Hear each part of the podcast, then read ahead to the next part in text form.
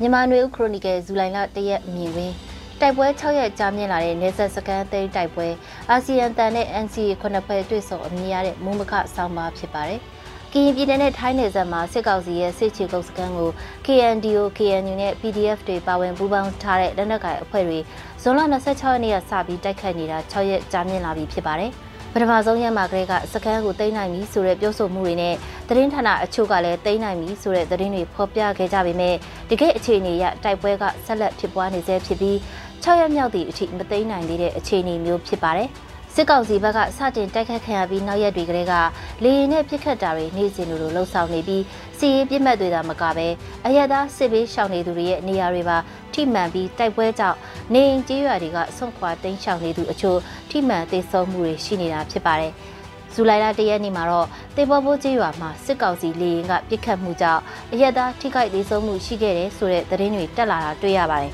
။အရသာထောင်ကနန်းနဲ့ချီပြီးကရင်ပြည်နယ်ထဲမှာနဲ့ထိုင်းနိုင်ငံဘက်အချမ်းတွေထိထွက်ပြေးတိမ်းရှောင်နေကြရပြီးထိခိုက်ဒဏ်ရာသူအချို့ကတော့ထိုင်းနိုင်ငံဘက်ကဖုံမရနယ်ကစေယုံတွေမှာကုသပေးနေတယ်လို့လည်းသတင်းတွေမှာဖော်ပြထားကြပါတယ်။ ဒီစကန်ကို KNDO နဲ့မကြသေးမီက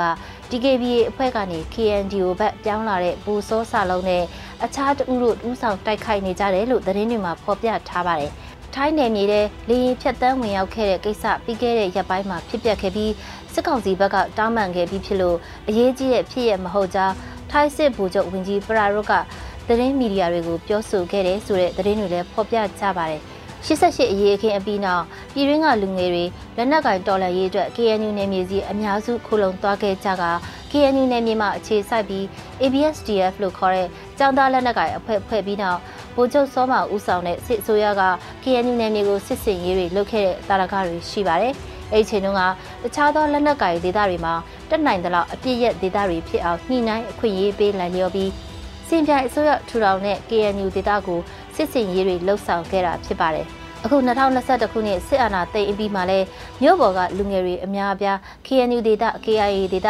ရှမ်းလက်နက်ကိုင်တအန်းလက်နက်ကိုင်ဧရိယာတွေစီတွားရောက်ခါလက်နက်ကိုင်တိုက်ပွဲမှာပါဝင်ဖို့ဒါမှမဟုတ်မိမိတို့မြို့မှာပြန်လာပြီးပျောက်ကြားအဖြစ်လှုပ်ရှားဖို့တွားရောက်ခဲ့ကြတဲ့အဖြစ်အပျက်က88ခုနှစ်ကထက်အရေးအတွက်များပြားပြီးပြည့်နှက်မှုဧရိယာလည်းများတာတွေ့ရပါတယ်။ဒါပေမဲ့ KNU ထိချုပ်နယ်မြေကတော့ပြည်ပရောက် NLD ပါတီကခေါင်းဆောင်တွေနဲ့အခြားနိုင်ငံရေးသမား ရက်ဖက်အဖွဲ့အစည်းဥဆောင်သူတွေနဲ့ဖွဲ့စည်းထားတဲ့အမျိုးသားညီညွတ်ရေးအစိုးရအခြေစိုက်တယ်လို့ယူဆတာကြောင့် KNU နယ်မြေကိုစစ်ကောင်စီကမတည်ငြိမ်အောင်အခြေမတည်နိုင်အောင်လုပ်ဖို့ရည်ရွယ်တာဖြစ်ပါတယ်။အခုအခြေအနေက88ခုနှစ်အာဏာသိမ်းပြီးနောက်ပိုင်းကာလနဲ့မတူကွဲပြားတဲ့အနေအထားအများပြားရှိပါတယ်။စကိုင်းချင်းကရားနဲ့မကွေးမြောက်ပိုင်းတို့လိုမှာ ဒေသအလိုက်လက်နက်ကိုင်အဖွဲ့တွေပေါ်လာပြီးအဲ့ဒီဒေသတွေမှာပဲအခြေစိုက်ပြီးစစ်ကောင်စီတပ်တွေကိုတိုက်ခိုက်နေတဲ့အခြေအနေက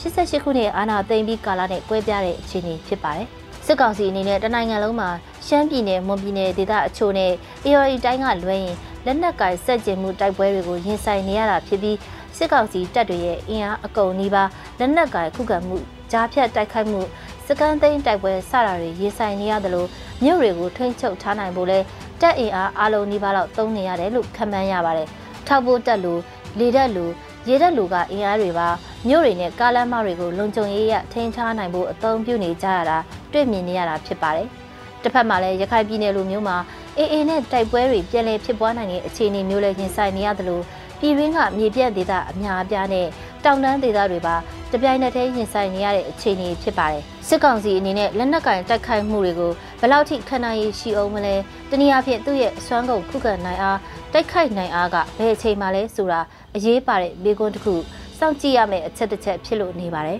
။ဒီနေ့အဖို့အခြားသတင်းသဘောကတော့ NCA လက်မှတ်ထိုးထားတဲ့အဖွဲ့9ဖွဲ့နဲ့အာဆီယံကိုယ်စားလှယ်တို့နေပြည်တော်မှာတွေ့ဆုံခဲ့တဲ့သတင်းဖြစ်ပါတယ်။အရင်တစ်ချိန်ခီးစဉ်တုန်းကမတွေ့ဆုံဖြစ်ခဲ့ပဲအခုတစ်ချိန်မှာတွေ့ဆုံခဲ့တာဖြစ်ပါတယ်။ NCA EAO လို့အတူကခေါ်ဆိုတဲ့လက်နက်ကင်တွေဘက်ကနိုင်ငံရေးပြဿနာကိုနိုင်ငံရေးနည်းနဲ့ဖြေရှင်းရေးပါဝင်တဲ့သူအလုံးပါဝင်တဲ့နိုင်ငံရေးဆွေးနွေးပွဲဖြစ်မြောက်ရေးနဲ့အရက်သားတွေကိုအကာအကွယ်ပေးရေးတို့ကိုအလေးပေးပြောဆိုဆွေးနွေးခဲ့တယ်လို့ထုတ်ပြန်ထားတာတွေ့ရပါတယ်။ဆယ်စုနှစ်များစွာအတွင်းဘယ်တော့မှနဲ့မှနိုင်ရှင်လို့မရတဲ့လက်နက်ကိုင်ပဋိပက္ခကြဲကြဲပြန့်ပြန့်ဖြစ်ပွားနေချိန်ကာလမှာတွစ်ဆုံဆွေးနွေးရေးကဖြစ်ပါအောင်မလားလို့တန်ရာရှိနေသူတွေလည်းရှိသလို တစ်ဖက်နဲ့တစ်ဖက်အစုံတိုင်းခြေမုံအနိုင်ယူရေးဆိုတဲ့ရှုထောင့်ကနေစဉ်းစားဆုံးဖြတ်ထားကြတဲ့အဖွဲ့တွေလည်းရှိနေတာဖြစ်ပါတယ်။ဥပမာအားဖြင့်အဖြူနဲ့မဲတစ်ဖက်နဲ့တစ်ဖက်အပြတ်သက်နိုင်ရရေးကဖြစ်နိုင်မလားအဖြူမဲတက်တက်စီပဲဖြစ်နိုင်မလားမဟုတ်ပဲတက်ဆိုင်ရာတက်ဆိုင်ရာအဖွဲ့တွေကမိမိတို့အဖွဲ့အစည်းရဲ့ရီမန်းချက်ပန်းနိုင်တိကျစီရှိကြပြီးအခုလိုပဋိပက္ခမှာဖုံးကွယ်ထားတဲ့ရီမန်းချက်တွေစီရောက်အောင်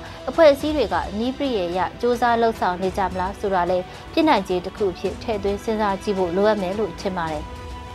ကျမຫນွေဦးလေးတွေပါ။